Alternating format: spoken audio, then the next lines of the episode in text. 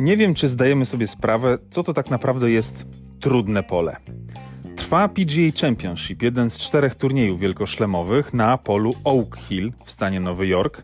I przy okazji tegoż turnieju zapytano przed kamerą, taki widziałem filmik opublikowany przez DP World Tour, e, trzech uczestników, profesjonalnych golfistów, ile zagrałby amator z handicapem 18 na polu Oak Hill, przygotowanym, jak rozumiem, właśnie na PGA Championship. Thomas Detry powiedział, że no nie zszedłby poniżej 120, a nawet nie wiem, czy by potrafił skończyć wszystkie dołki. Nie wiem, jak można nie skończyć dołków, ale być może właśnie tutaj wyobraźnia moja szwankuje, bo nie wiem, co to jest naprawdę trudne pole. Billy Horschel był drugim zapytanym i powiedział po ogromnym śmiechu, że co najmniej 125. Potem śmiał się dalej i mówił, że realistycznie to pewnie między 130 a 150 zagrałby taki amator z handicapem 18. Ale Billego Horschela chyba los pokarał za te e, śmieszki, bo sam nie przeszedł kata. A Jordan Spieth powiedział, że hmm, złamanie setki byłoby imponujące. Tu pomyślałem, że jakoś wyjątkowo wysoko y, ocenia nasze możliwości, ale potem dokończył zdanie, nawet dla graczy z jednocyfrowym handicapem. I dodał Spieth, że bardzo trudno tutaj trafić fairway, a jeżeli jest się poza nim, no to przede wszystkim musisz jakoś wrócić, a cała zabawa i tak dopiero wtedy się rozpoczyna.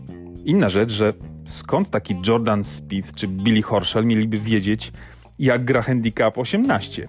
Czy oni się w ogóle stykają z takimi maluczkimi jak my? Chyba to było pytanie wykraczające poza ich obszar wiedzy i kompetencji, ale to tak na marginesie. Także zakładam, że nie wiemy, większość z nas nie wie, co to jest naprawdę trudne pole, tak trudne pole i tak przygotowane.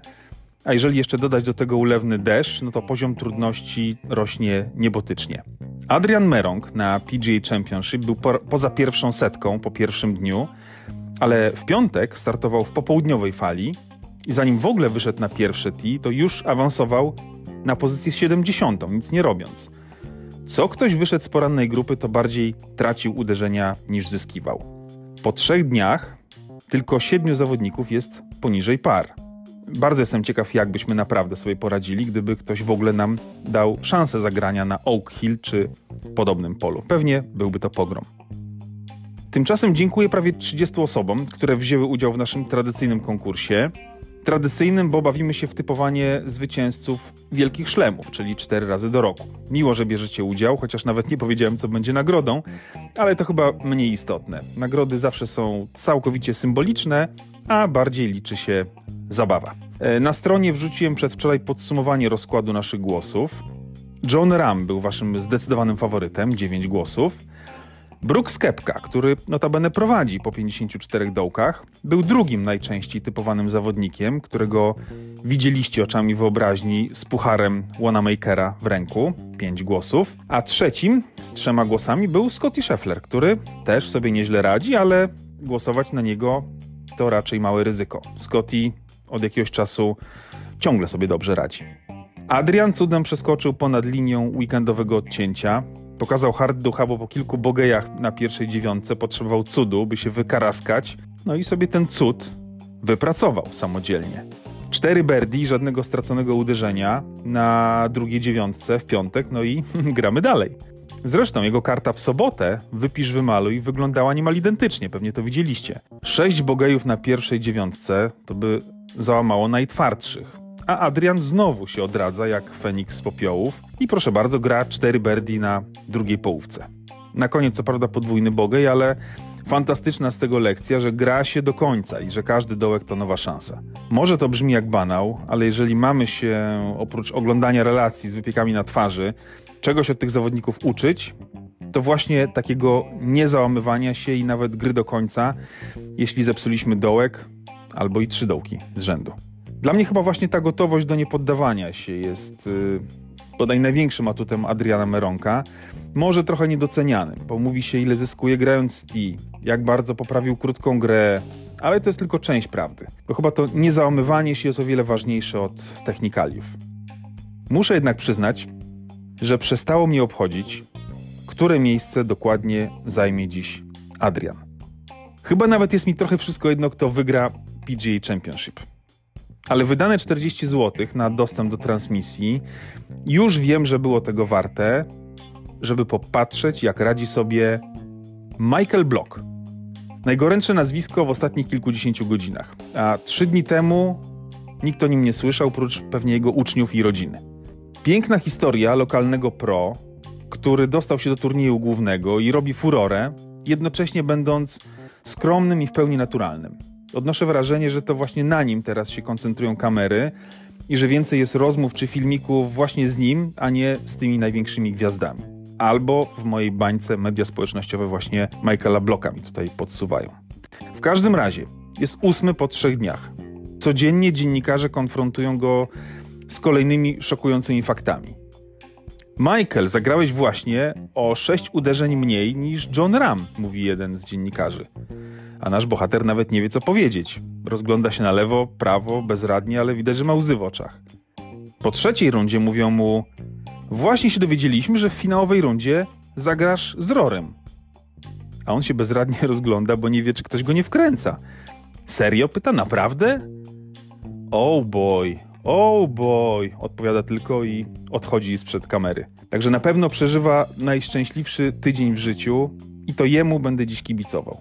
Niechaj zagra powiedzmy 70 znowu, czwarty dzień z rzędu, a będzie przepięknie. Ktoś mu radził, żeby się nie przejmował tym, że tysiące fanów Rorego będzie szło z ich grupą, bo to może być przytłaczające, tak jak kiedyś y, grupy, które szły za Tigerem Woodsem też potrafiły kompletnie spalić tych zawodników, którzy mieli szczęście czy nieszczęście y, z Tigerem grać. Czy to będzie przytłaczające dla Michaela Blocka?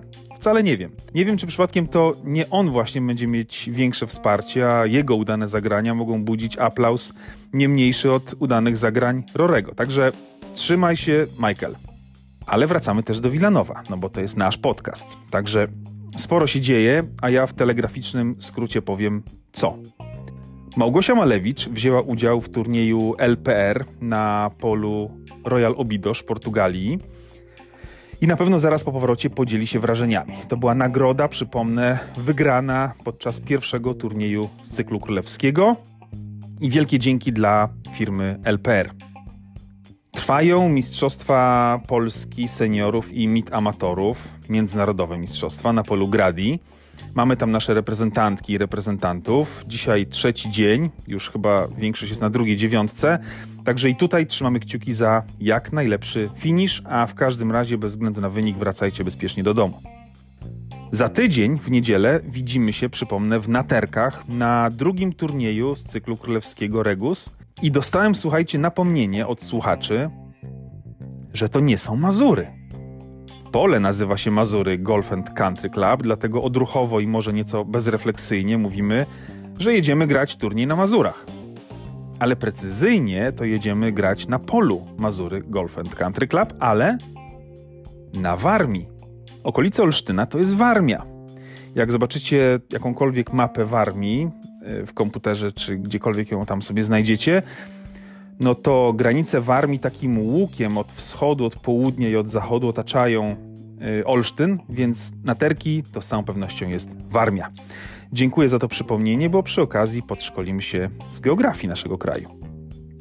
Ogłosiliśmy ostatnio, i to macie w mailu i też na stronie klubowej, zapisy na koszulki z logo klubu, kto by chciał. Do wyboru są trzy marki, y, dwie dla panów i dwie dla pań. Y, są różne kolory, ale wiecie, jak to po pandemii, trzeba czekać cierpliwie na dostawy, bo łańcuchy logistyczne jeszcze nie wylizały ran.